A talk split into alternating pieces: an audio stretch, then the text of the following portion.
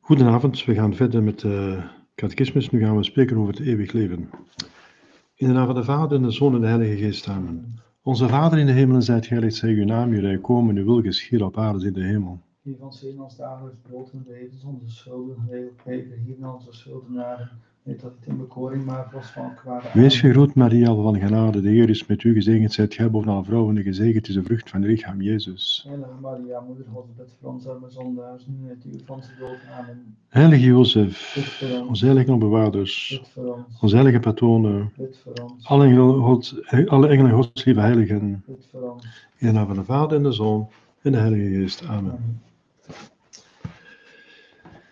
Vrienden, we waren gestopt met de verrijzenis van het vlees. Dat is het eerste deel van het tiende les. En we gaan nu het tweede deel nemen, het eeuwig leven. het eeuwig leven behoort tot uh, de, het credo van de apostelen. Het is namelijk het twaalfde artikel. Ik geloof in het eeuwig leven, in het bestaan van het eeuwige leven. En dan heb je amen. Dat is het einde van het, uh, het credo. Het symbool van de apostelen. Wat beleiden wij door de woorden, ik geloof het eeuwig leven? Of in het eeuwig leven. Daardoor beleiden wij dat wij bestemd zijn om eeuwig met God te leven in de hemel. Ja. Maar, uh, dus, er zijn hier twee elementen die je moet onderscheiden. Eeuwig en leven. Eigenlijk is iedereen eeuwig die verwekt vanaf de verwekking. Vanaf de wekking zijn we eeuwig, want vanaf de wekking wordt onze ziel geschapen. En onze ziel is een geest en die is eeuwig. Die is eeuwig, want die, die kan niet ontbonden worden, want die is één. Je kunt zeggen, ja, maar die heeft toch verstand, geheugen en wil en een substantie, een geestelijke substantie, dus bestaat dus uit vier delen. Substantie, geest, en dan is er nog een faculteit verstand, faculteit geheugen, faculteit vrij wil erbij. Dus de vier elementen die samen zijn, eh, vier maken één. Nee, zo is het niet, de, de geesten zijn niet samengesteld. Materie is samengesteld, maar de geest niet. Dus je moet het eerder zo zien dat de ziel tegelijkertijd verstand is, geheugen is en vrije wil is. Natuurlijk een geestelijke substantie is. Dus het is essentieel voor een geest een substantie geest, dat hij verstand is, geheugen en wil, vrij wil. Zoals God trouwens. Dus dat is, we lijken veel meer op God dan men denkt. Want God is ook eenvoud, is één. Uh, wel drie personen, maar één God. dus wij lijken veel meer op God dan we denken. Dus de ziel is niet samengesteld, want hij is een geest. En omdat hij niet samengesteld is, kan hij ook niet vergaan. Dus de ziel is eeuwig. Um, maar waarom wordt alleen maar over de hemel gesproken? Wel, omdat daar het woord leven bij staat. En de hel is, zoals wij zeggen in de volkstaal, het is geen leven. Als we een leven hebben dat uh, miserabel is, twistig, pijnlijk, moeilijk, zeggen we het is geen leven. Het is geen leven. Dat is geen toestand. Maar je leeft toch. Maar het is geen leven betekent, het is een pijnlijk leven, een droevig leven, een twistig leven, een ongelukkig leven. Leven betekent expansie van uw zijn, dat u kunt leven, uitleven. Nee, ik wil leven, hè, dus dat is eigenlijk positief. En daarmee wordt gezegd met het eeuwig leven, strikt genomen gaat het dus over de hemel. Maar breed genomen is ook de hel eeuwig. Dus leeft je, leeft iedere ziel eeuwig. Of het nu in de hemel is, of in de hel, of in het voorgebrochte van de kinderen. Want je hebt natuurlijk, je hebt, hebt dus in de eeuwigheid drie toestanden mogelijk. De hemel, dat zullen we zien, dat is voor degene die staat van genade sterven. De hel is voor degene die staat van dood sterven.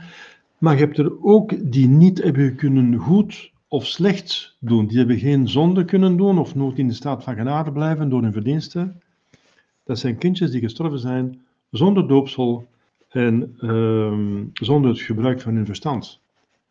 Dus omdat ze niet gedoopt zijn, hebben ze het sacrament doopsel niet omdat ze gebruik van hun verstand hebben, hebben ze ook het doopsel van begeerte niet. Dus ze hebben geen enkel doopsel. Ze zijn ook niet gedood geweest omwille van de godsdienst, zoals de onschuldige, onnozele kinderen. Dus als ze geen enkel doopsel hebben, gaan ze niet naar de hemel. Want Jezus zegt, als je niet gedoopt bent, gaat niet naar de hemel. Maar omdat ze niks misdaan hebben persoonlijk, ze zijn onschuldig in die zin, gaat God ze ook niet straffen. Ze kunnen de hemel in, maar gaat ze niet straffen. En Sint Thomas zegt, God geeft zijn natuurlijk geluk, een soort eeuwig aardsparadijs. Dus er zijn drie toestanden waarin we eeuwig leven.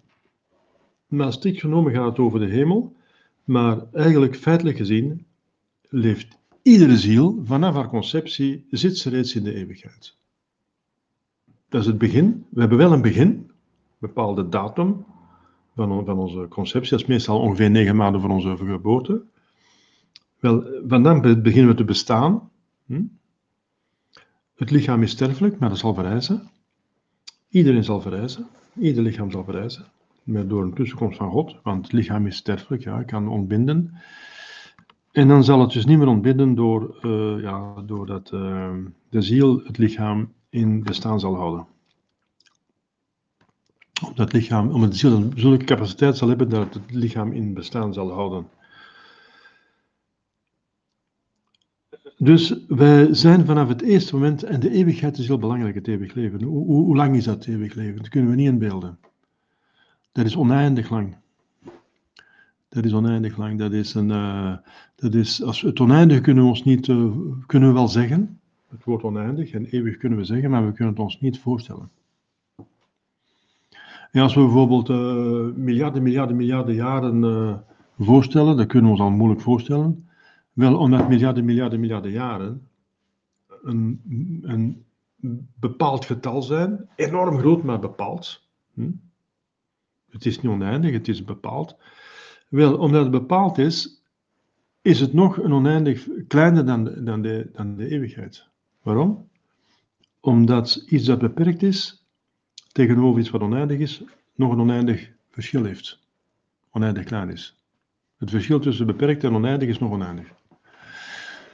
Dus als jij een cijfer van jaren hebt, je zet bijvoorbeeld uh, een cijferke, een klein cijferke, en je zet dat naast elkaar en je gaat die cijfertjes zetten gans de aarde rond, 40.000 kilometer. En dat is dan een, een bedrag dat uh, uitdrukt hoeveel jaren dat je u zou willen, dat je wilt uitdrukken. Wel, dat is enorm groot en enorm lang, maar omdat het beperkt zijn, het zijn 40.000 kilometer lettertjes en niet meer, dan is nog beperkt. In vergelijking met eeuwigheid is het als niks. Maar ik herhaal, dat kunt je wiskundig bewijzen. Het verschil tussen beperkt en oneindig is nog oneindig. Dus het eeuwig leven is enorm, dus enorm belangrijk. En dit leven is voorbijgaand. Dus wat dat betreft niet belangrijk. Maar het is toch wel zeer belangrijk, buitengewoon belangrijk, omdat van dit korte leven er zijn kinderen die één dag leven, want ik ben juist op het kerkhof geweest. Ik heb daar een grafje gezien staan met één datum op. Dus dat wil zeggen dat kind is gestorven de dag dat het geboren is. Er zijn mensen die één dag uh, leven. Er zijn mensen die 120 jaar leven. Wel, maar dat is uh, van dat leven, dat tamelijk kort is eigenlijk, in vergelijking met de eeuwigheid, hangt juist die eeuwigheid af want we zullen zien wat de voorwaarden zijn om naar de hemel, hel of vagevuur te gaan. Het vagevuur is tijdelijk, want daarna gaat je naar de hemel. Maar het is een toestand die gaat duren maximum tot aan het einde van de wereld. Dus voor ons zijn er, als we het einde van de wereld niet meemaken, drie mogelijkheden. En die, die mogelijkheden hangen af van dit leven hier op aarde. Dus dit leven hier op aarde is niet belangrijk in tijd, dat is een zucht in vergelijking met de eeuwigheid. Maar het is buitengewoon eindeloos belangrijk in die zin dat van dit korte leven de eeuwigheid volledig, volledig en totaal afhangt. Volledig en totaal. Dus je krijgt geen andere kans. De reïncarnatie met een psychose is veroordeeld. Dat is, dat is tegen de Heilige Schrift. Sint Paulus zegt, na dit leven dood, oordeel en dan het eeuwig leven. Dus er is geen ander leven mogelijk. Dus dat is veroordeeld. Dus er is geen reïncarnatie. Dat is een uitvinding van de duivel uh, om ons toch te laten zondigen en zeggen, ja, ik heb daar niet nog een kans om, uh, om het goed te maken, dus laat ik me nu maar profiteren. Dus dat is, dat is een duivelse uitvinding om ons te doen zondigen. Dat bestaat niet. Dus van dit korte leven hangt dus de eeuwigheid af. En dat moeten we goed beseffen. Het eeuwig, het punt, ik geloof in het eeuwig leven, is heel belangrijk. En het is wel een geloof dat de hemel bestaat, maar het is eigenlijk geen geloof dat de ziel eeuwig is. We kunnen dat filosofisch wetenschappelijk bewijzen. Aristoteles bewijst het bestaan van de ziel, dat verschil tussen een levende en een dode mens. Dat het geestelijk is, want de mens kan geestelijke producten voorbrengen. Als je geestelijke producten kan voorbrengen, zoals de taal, zoals de filosofie, zoals de wiskunde, zoals redeneren en zo, dan zijt je ook geestelijk. Want je kunt niet doen wat je niet, niet zijt. Je kunt niet handelen uh, als je niet zo zijt. En dat uh, een geest, dus zoals ik in het begin gezegd heb, dus onsterfelijk is, want hij is niet samengesteld. Dus wij kunnen wetenschappelijk bewijzen dat het eeuwig leven bestaat, dat de ziel uh, eeuwig is. En moesten dat de mensen dat bewijs kunnen doen toekomen, de moderne mens, dan zouden er misschien al veel meer bekeringen zijn. Want dan zouden ze beseffen dat dit leven maar voorbijgaand is en dat, dat, dat, het, ja, dat ze moeten nadenken. Hoe gaan we eruit zien? Wat gaat onze toestand zijn in de eeuwigheid? Ik zou toch graag gelukkig willen zijn. Hm? Dus het is wel heel belangrijk. Maar we zeggen, ik geloof in het eeuwig leven, omdat het eigenlijk strikt genomen gaat over de hemel. Maar het gaat ook over de andere situaties. Want de vraag is inderdaad, de volgende vraag is, waarheen gaat de ziel na de dood van de mens? Na dood van de mens gaat de ziel, zoals ik zei, naar de hemel of naar de hel of naar het vagevuur. En zoals ik zei, is het vagevuur eigenlijk ook naar de hemel gaan, maar onrechtstreeks. Dus al diegenen die in het vagevuur zijn, hebben één zekerheid, dat ze naar de hemel gaan. Maar zitten wel verschrikkelijk, verschrikkelijk te lijden. Want het, het lijden van het vagevuur is hetzelfde als van de hel, alleen is het tijdelijk. En ook, er zijn niveaus, er zijn, er zijn uh, gradaties en diepten en hoogten in de, het vagevuur. Dus min, minder, of uh, ook in de hel en de hemel zijn er verschillende gradaties. Je hebt drie hemels, zeven hemels, je hebt negen engelenkoden. Je hebt ook dieper hel of minder diepe hel. Iemand die honderd mensen heeft vermoord zit dieper dan iemand die maar één doodzonde gedaan heeft. Ja. Welke zielen gaan naar de hemel? Dat is de grote vraag, want daar zijn we voor geschapen. Naar dood, naar de hemel gaan de zielen van degenen die in staat van genade sterven en niets meer uit de boete hebben. Dus twee elementen staat genade sterven en niets meer uit te boeten. Want dan hebben ze nog iets uit te boeten, dan gaan ze naar het vagevuur. En niets meer uit te boeten te hebben. Dus die heilig sterven. Dat kan zijn omdat ze heilig geleefd zijn, dan kunnen ze ook gecanoniseerd worden door een paus, of zelf verklaard door een bischop. Of door privé verheerd door mensen. Uh, maar het kan ook iemand zijn die op het laatste moment bijvoorbeeld een volle aflaat heeft verdiend, zoals de goede moordenaar aan het kruis. Uh, ja, dan heeft hij, als je een volle aflaat verdient, dan heb je niks meer uit te boeten, dan ga je recht naar de hemel. Maar je hebt wel geen voorbeeldig leven geleefd, dus je wordt wel niet heilig verklaard door de kerk. Want je wordt alleen maar heilig verklaard als je een voorbeeldig leven hebt geleid. Dat is om als voorbeeld te, te, stellen, gesteld te worden voor de, voor de christenen. Dus degenen die nog iets uit te boeten hebben en in staat van genade zijn, die gaan het vagevuur. Hè? Welke zielen gaan naar de hel? Dat zijn de zielen die in staat van doodzonde sterven. Wat is staat van doodzonde? Dat wil dat men één of meerdere doodzonde nog niet heeft, uh, dus de vergiffenis aan bekomen. Men heeft geen vergiffenis bekomen voor één of meerdere doodzonden. En voor een doodzonde heb je nodig uh, een ernstig gebod van God overtreden, met volle kennis en met volle toestemming. En als je dat dan bovendien niet uitboet of, of niet, geen vergiffenis bekomt door een doopsel of door een uh, goede biecht of door een uh, acte van volmaakt berouw of een acte van liefde, dan uh, blijf je daarmee zitten en dan, als je dan sterft, gaat naar de hel. Want je hebt u vereenzelvigd met die doodzonde. En doodzonde kan door God niet bemind worden, dat is tegen zijn wil. Door uw, door uw halstarrigheid, door uw koppigheid, door uw uh, ja, uh, volharding in het kwade, in het boze, hebt u uiteindelijk verenigd met uw doodzonde, met, met wat hartelijk is. Dus je wordt zelf hartelijk. En dan verdient je de hel en gaat je naar de hel. Want je hebt jezelf onwaardig gemaakt om naar de hemel te gaan. Ten toestand van liefde is, van overgave, van de wil van God doen. En die hel, eh, dat is dus erg. Dat is de, de staf van de hel is eh, tweeërlei, want je hebt een tweeërlei beweging ook voor de doodzonde.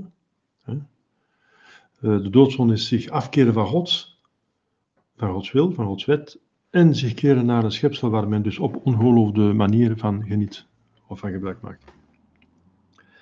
Dus het afkeren van God wordt gestraft door de doem, dat je God niet zal zien. Dat is het doem. En het uh, keren naar het schepsel, dat wordt gestraft doordat men door een schepsel zal worden gekweld, namelijk door het vuur. En het zal een vuur zijn dat in staat is om ziel en lichaam te verbranden en te kwellen en te pijn te doen. Dus zowel geest als materie. En geen licht geeft. En ook geen warmte, want het kan koud zijn in de hel. Dus uh, ijskoud, hè, doordat er geen liefde is. Uh, dat drukt uit dat er geen liefde is. En toch branden, omdat, uh, omdat men dus verdient van de ergste pijn te ondergaan. En de ergste pijn is eigenlijk de verbranding op aarde. Dus. En ook nadien, voor, voor, de, voor het lichaam is de verbranding het ergste, ergste pijn. Dus het is tegelijkertijd branden en toch koud hebben. En toch branden. Dus het is, het een speciaal vuur. En dat geen licht geeft. Want licht geeft ook weer troost. En toch zullen we zien. Het is geen licht, maar toch zullen we zien maar wat afgrijzelijk is. We zullen de, de gedrochten van, het, van de demonen zien die onze afgrijzing boezemen. En ook de andere zielen die verdoemd zijn. We zullen zielen zien die wij door onze zonde uh, in de hel hebben gebracht. En die zullen ons verwijten. We zullen ook verwijten horen en wanhopige kreten voor eeuwig. IJselijke wanhopige kreten en, en gekerm en, en vervloekingen.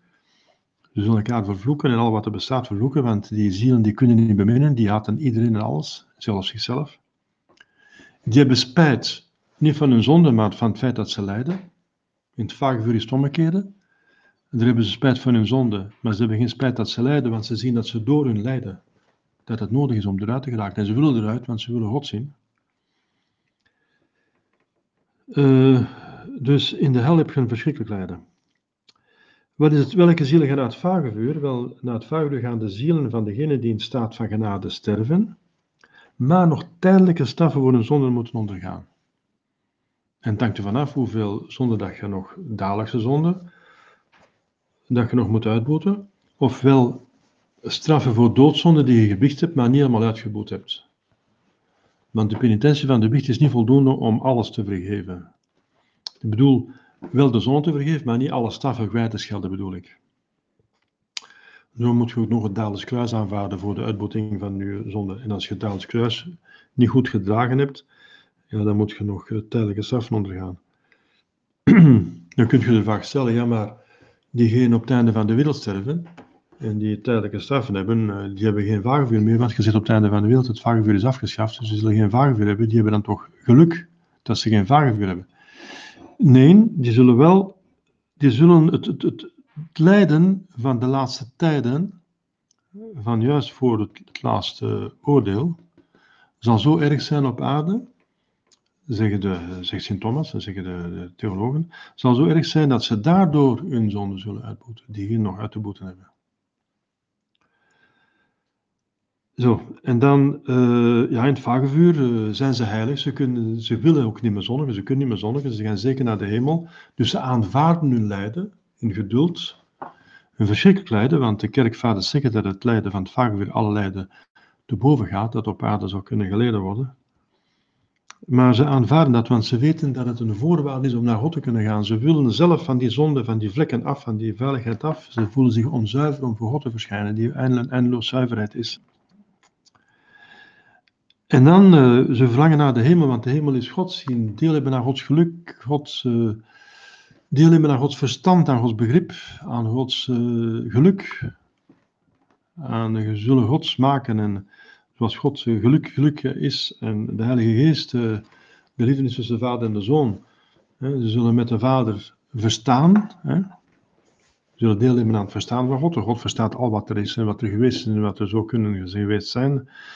En al wat er is in detail, al het goede, zullen ze dan in God uh, begrijpen. Uh, zullen ze vooral genieten van God zelf natuurlijk, maar ook van al het goede dat door God geschapen en al gedaan heeft. Dus van God en zijn werken. En uh, ze zullen dan God bezitten eigenlijk, want God, de liefde geeft, geeft zichzelf. Hè. wij zullen ehm, voor de staat van genade reeds op aarde komt God in onze ziel. Hè. bezitten wij het Gods in onze ziel. In de hemel zal dat een bezit zijn voor eeuwig, een totaal bezit.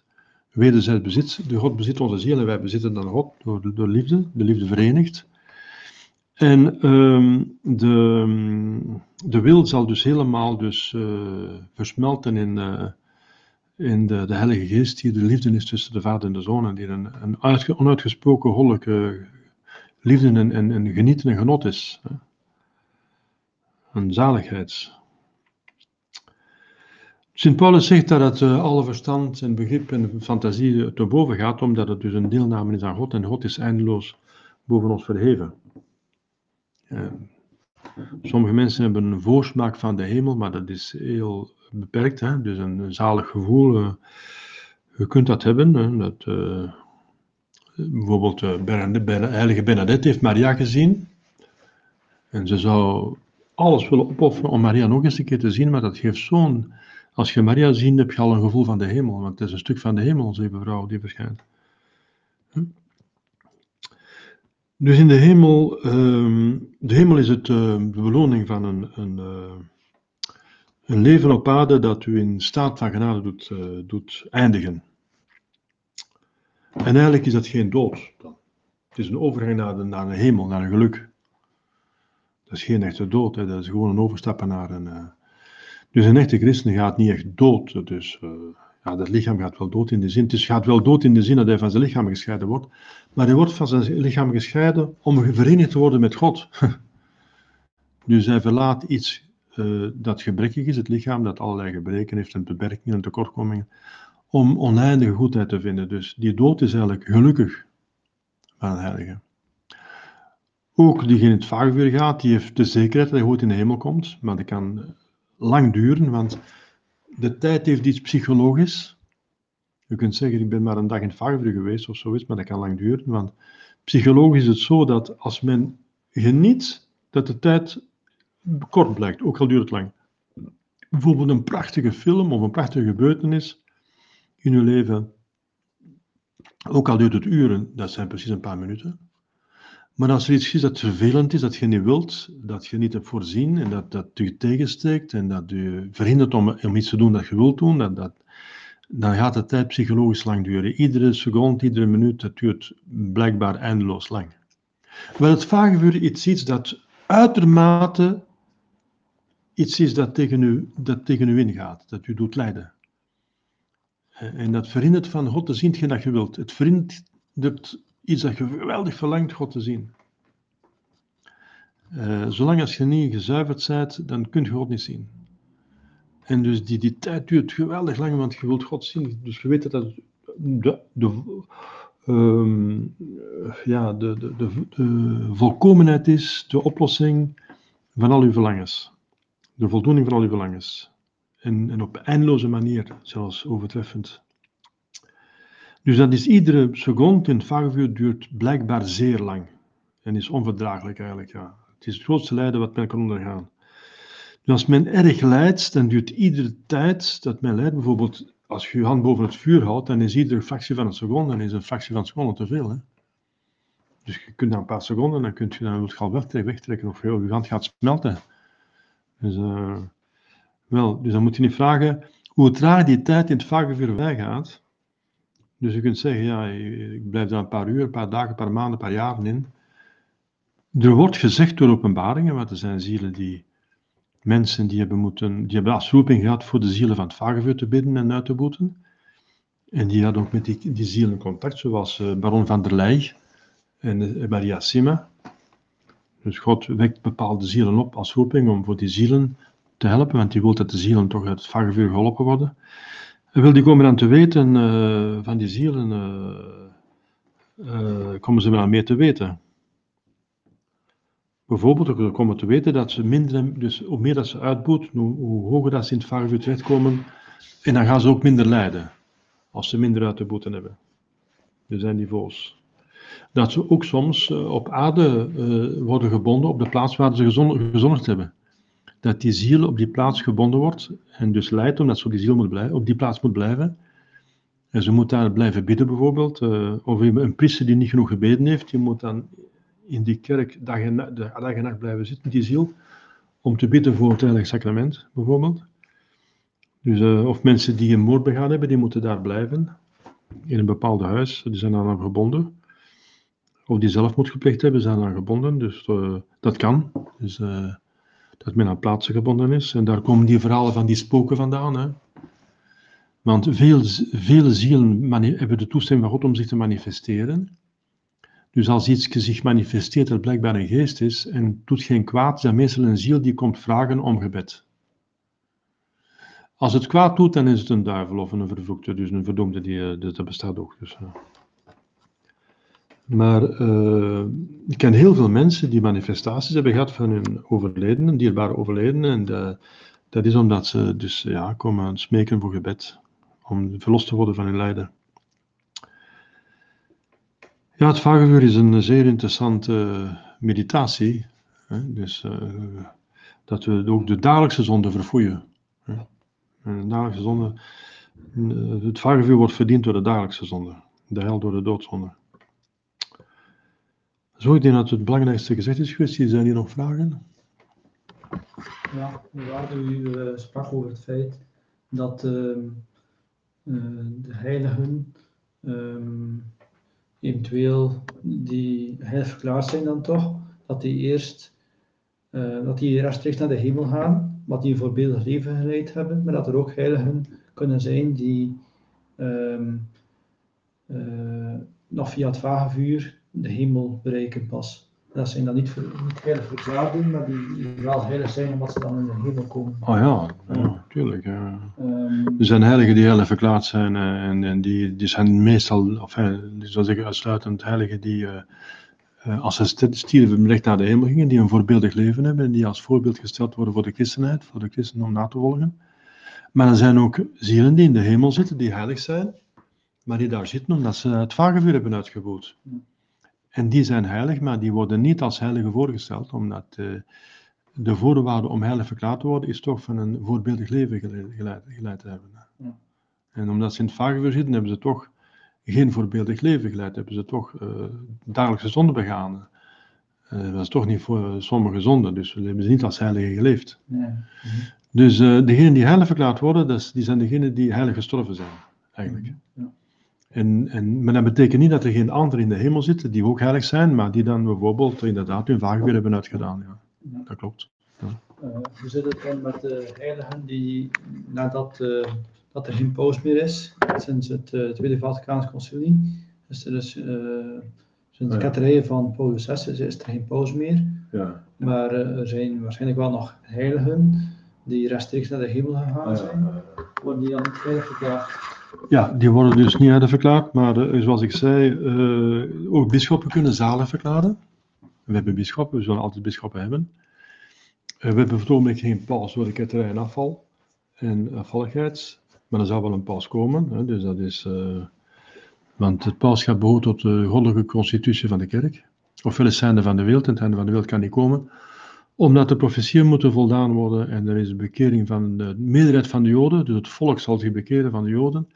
En om een volk te bekeren heb je een paus nodig, je hebt een kerk nodig die goed functioneert. Dus als je maar een gedeeld, maar kleine groepjes hebt zoals nu, dan kan geen volk, dus kan geen volk daardoor bekeerd worden. Dat is zeer moeilijk. Dat is, uh, dus het is normaal dat dat, en het is ook gezegd geweest inderdaad, dat door de privé-openbaringen van heiligen voor het concilie, dat de Joden zich pas zouden bekeren door de prediking van heilige Elias die zou terugkomen om de christenen te beschermen tegen de valstrikken en de bedriegerijen van de antichrist. Dus uh, daartegen is er natuurlijk al een paus geweest, uh, een paus die komt, en, ja, en die, moet dat dan, die kan dus heilig verklaren. Maar zalenverklaring kan gebeuren door een bischop en je kunt ook privé al mensen vereren die je denkt dat ze heilig zijn. Dus iemand Iemand sprak onlangs mij over Nieke van Onkerzelen. Uh, wat dat, dus Nieke van den Dijk, die in Onkerzelen geleefd heeft en dat begraven is. Maar ja, die persoon die heeft geleefd uh, voor de, de, Tweede Wereldoorlog. En ook kort daarna, denk ik. En onder de oorlog. Uh, en kort daarna. en die heeft heilig geleefd. Die heeft de stigmata gehad. Die heeft heel nederig geweest, werkzaam. Die had veel kinderen. Was de liefdeslaaf van Maria. Voor Maria, de zeven smatten van Maria. Die heeft heilig en nederig geleefd. Dus er zijn geen verkeerde dingen in haar profetieën. De profetieën zijn uitgekomen. Ze heeft heel mooie visioenen gehad en ze heeft uh, voorbeeldig geleefd.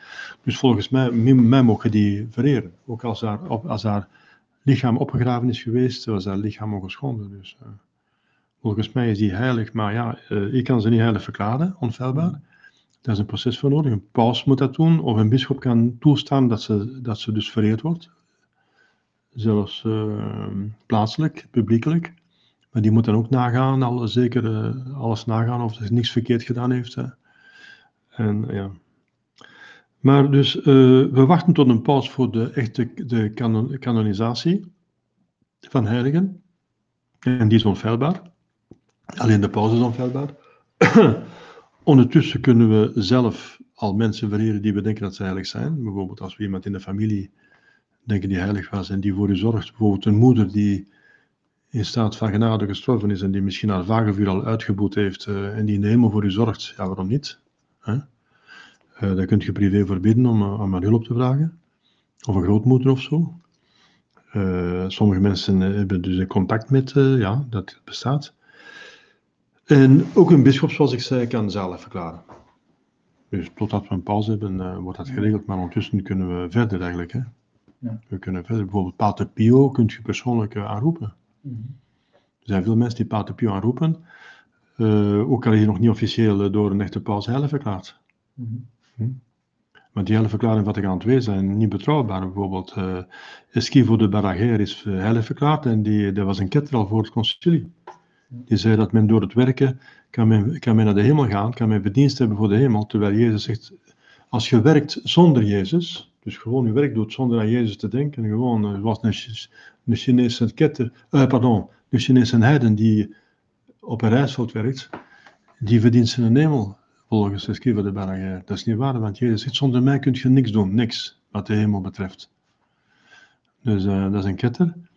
Uh, Therese van Calcutta, die is ook wel verklaard door de conciliaire secte. En die, er bestaan foto's van dat zij in een tempel zitten bidden, een afgodentempel. Uh, een Hindoeïstische of een Boeddhistische tempel zitten bidden. Dus dat is, dat is afgoderij, dat is een doodzonde eigenlijk. Dus iemand die een doodzonde doet, die kan niet heilig worden, zoals ik zei. Mm-hmm. enzovoort. Dus Faustina is ook heilig verklaard, me of zalig. En die heeft een zeer gevaarlijke devotie ontwikkeld uh, voor een barmhartige Jezus die niks zegt over berouw en spijt. Dus de zonde worden vergeven zonder spijt of, spijt of berouw. En dat, is, dat, is, dat klopt niet, dus dat is zeer gevaarlijk. Dus het, het spijt en de berouw is de voorwaarde dat God u vergeeft. Als je spijt hebt, vergeeft God alles. Maar als je geen spijt hebt, ja, dan gaat naar de hel. Dus wat we juist gezien hebben. De hel verdient je juist zodat je geen spijt hebt. Dus dat is, uh, dat is, dat is, spijt is fundamenteel. Ja. Zo, nog iets? Um, ik heb onlangs gelezen dat uh, uh, verschillende zielen in het vagevuur daar nog zitten, terwijl er missen voor hen zijn opgedragen, requiemmissen. Of, ja, um, met een volle af, aflaat wordt toch een ziel uit het vagevuur gered? Of hoe zit het? Ja, door een volle aflaat wordt een ziel gered, maar je weet nooit op volle aflaat dat je dan voldoet. Door een volle aflaat uh, moet je in staat van genade zijn, moet je aan de voorwaarden voldoen en moet je dus zelf niet uh, uh, gebonden zijn of nog verslaafd zijn of ja, onderworpen zijn aan een, een neiging of, of, aan een dagelijkse zonde. Dat wil niet zeggen dat je nooit geen dagelijkse zonde doet, maar dat je daar geen verslaving aan hebt. Dat je dat niet wilt dan moet je totaal geen dagelijkse zonde meer willen doen. Op het moment dat je de aflaat verdient. Dan kun je pas een volle aflaat verdienen. En dan de missen, die hebben een oneindige waarde. Maar ja, God beslist hoe dat hij die gaat toepassen. Op wie, en, hoe het, op wie en, op wie en hoe dat hij dat toepast. Ook al laat je een mis doen voor een ziel in het vagevuur. God gaat beslissen hoeveel hij van die mis gaat gebruiken. Daar is God vrij in. Dat, kun je niet, dat is geen handeltje. Hè. Dat is geen, God is geen kruidenier van. We geven nog zoveel geld en hebben we zoveel geld. Zo gaat het niet. Hè. Het is een liefdesverhouding en God beslist uh, in zijn oneindige wijsheid wat hij gaat doen uiteindelijk. Natuurlijk is het zo dat als we een mis dat dat zeker zijn effect zal hebben, maar we weten niet hoe ver. En ik zeg het, er zijn, niemand, er zijn mensen die met, met heel weinig, enfin, blijkbaar voor ons in onze ogen met heel weinig uh, hun hemel verdienen. Zoals die vrouw die, uh, die grote eh, eh, publieke vrouw, die zich bekeert eh, in de woestijn. eh, en door een, eh, door een contact met een, eh, met een woestijnvader, een, eh, monnik. En ze, ze, ze heeft spijt over haar zonde en de hele nacht weent ze. En s'morgens vindt die monnik ze dood en hij ziet in een visioen dat haar ziel in de hemel is. Dus ze heeft de hele dag geweend, de hele nacht geweend en God zodanig bemint, dat en eh, door de, in de tranen bemint, zodanig veel acten van liefde tot God verricht, dat ze door die liefde al haar zonden heeft uitgeboet. Dus de, de, de zonden worden uitgeboet meestal door vuur, het vuur van het vagevuur, of het, het vuur van de hel dient om de, de, de, de zonde van de, de doodzonden uit te boeten in de eeuwigheid. En daar is een eeuwigheid voor nodig, want de doodzonde heeft een oneindige negatieve waarde. Ofwel de, het vuur van de liefde. Voilà. Dus het, het, eh, die heeft er één nacht over gedaan, terwijl dat sommige mensen een gans leven moeten nodig hebben om heilig te worden. En die, die vrouw is op één nacht eh, heilig geworden. Door haar intense, zuivere, bovennatuurlijke liefde tot God. Ja? Eh, zijn er geprivilegeerde altaren voor eh, ehm, het verdienen van aflaten? Gepri- ah ja, ja, geprivilegeerde altaren. Dat is een altaar dat als je daar een mis op draagt, dan eh, heb je een volle aflaat. Ja, dat klopt. Aflaat. Dus ofwel is dat altaar geprivilegeerd, ofwel is de priester geprivilegeerd aan het altaar gaan. eh, dus de priester heeft dat, eh, die, die, die, eh, die genade als hij de heldhaftige liefdesact heeft afgelegd. Dus dat is een formule waarin je afstand doet van alle aflaten voor u, voor uzelf, en ze allemaal aan de zielen van het vagevuur geeft. Van heel zijn leven. En als je dat doet, als de priester dat doet, dan, eh, dan heeft hij een, eh, een volle aflaat aan ieder altaar. Als hij dat voor de zielen opdraagt. Dat wel, ja. Dat klopt. Nog eens, zijn we er? Oké, goed, dan gaan we bidden. In de naam van de Vader, en de Zoon en de Heilige Geest, amen. Onze Vader, die in de hemel zijt, gelicht zij uw naam, je komen, en wil geschieden op aarde in de hemel. En ons dagelijks brood hebben we gegeven, onze schulden gelijk, ook wij vergeven aan onze naar. Niet in bekoring, maar verlos.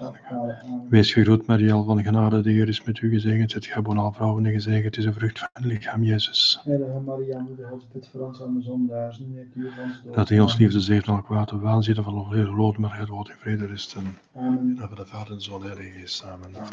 Zo goedenavond en bidden voor elkaar.